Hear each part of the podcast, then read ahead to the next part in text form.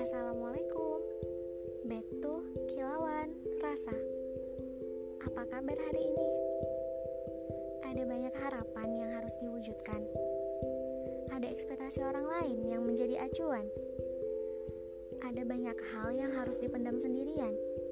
Dan kadang jadi bingung dengan diri sendiri apa yang harus dilakukan Capek kan? Lelah gak sih? Jadi ngeluh melulu Bingung harus gimana?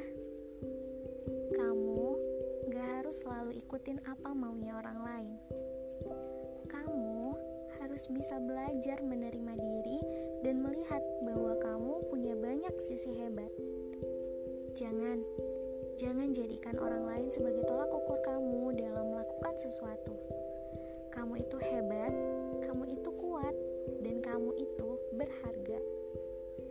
Please, lihat hal baik yang ada di diri kamu, karena hal itu gak akan ada di diri orang lain.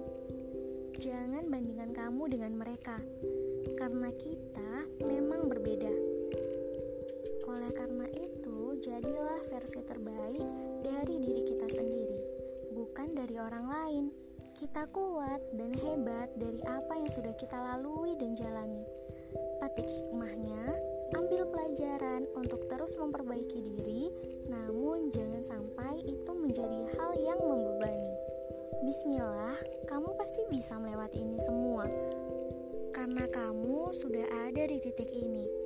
Terima kasih ya sudah bertahan sampai sekarang kamu hanya perlu menyadari bahwa yang terpenting adalah bukan ekspektasi orang lain, tapi bagaimana kamu bertahan menjadi diri sendiri.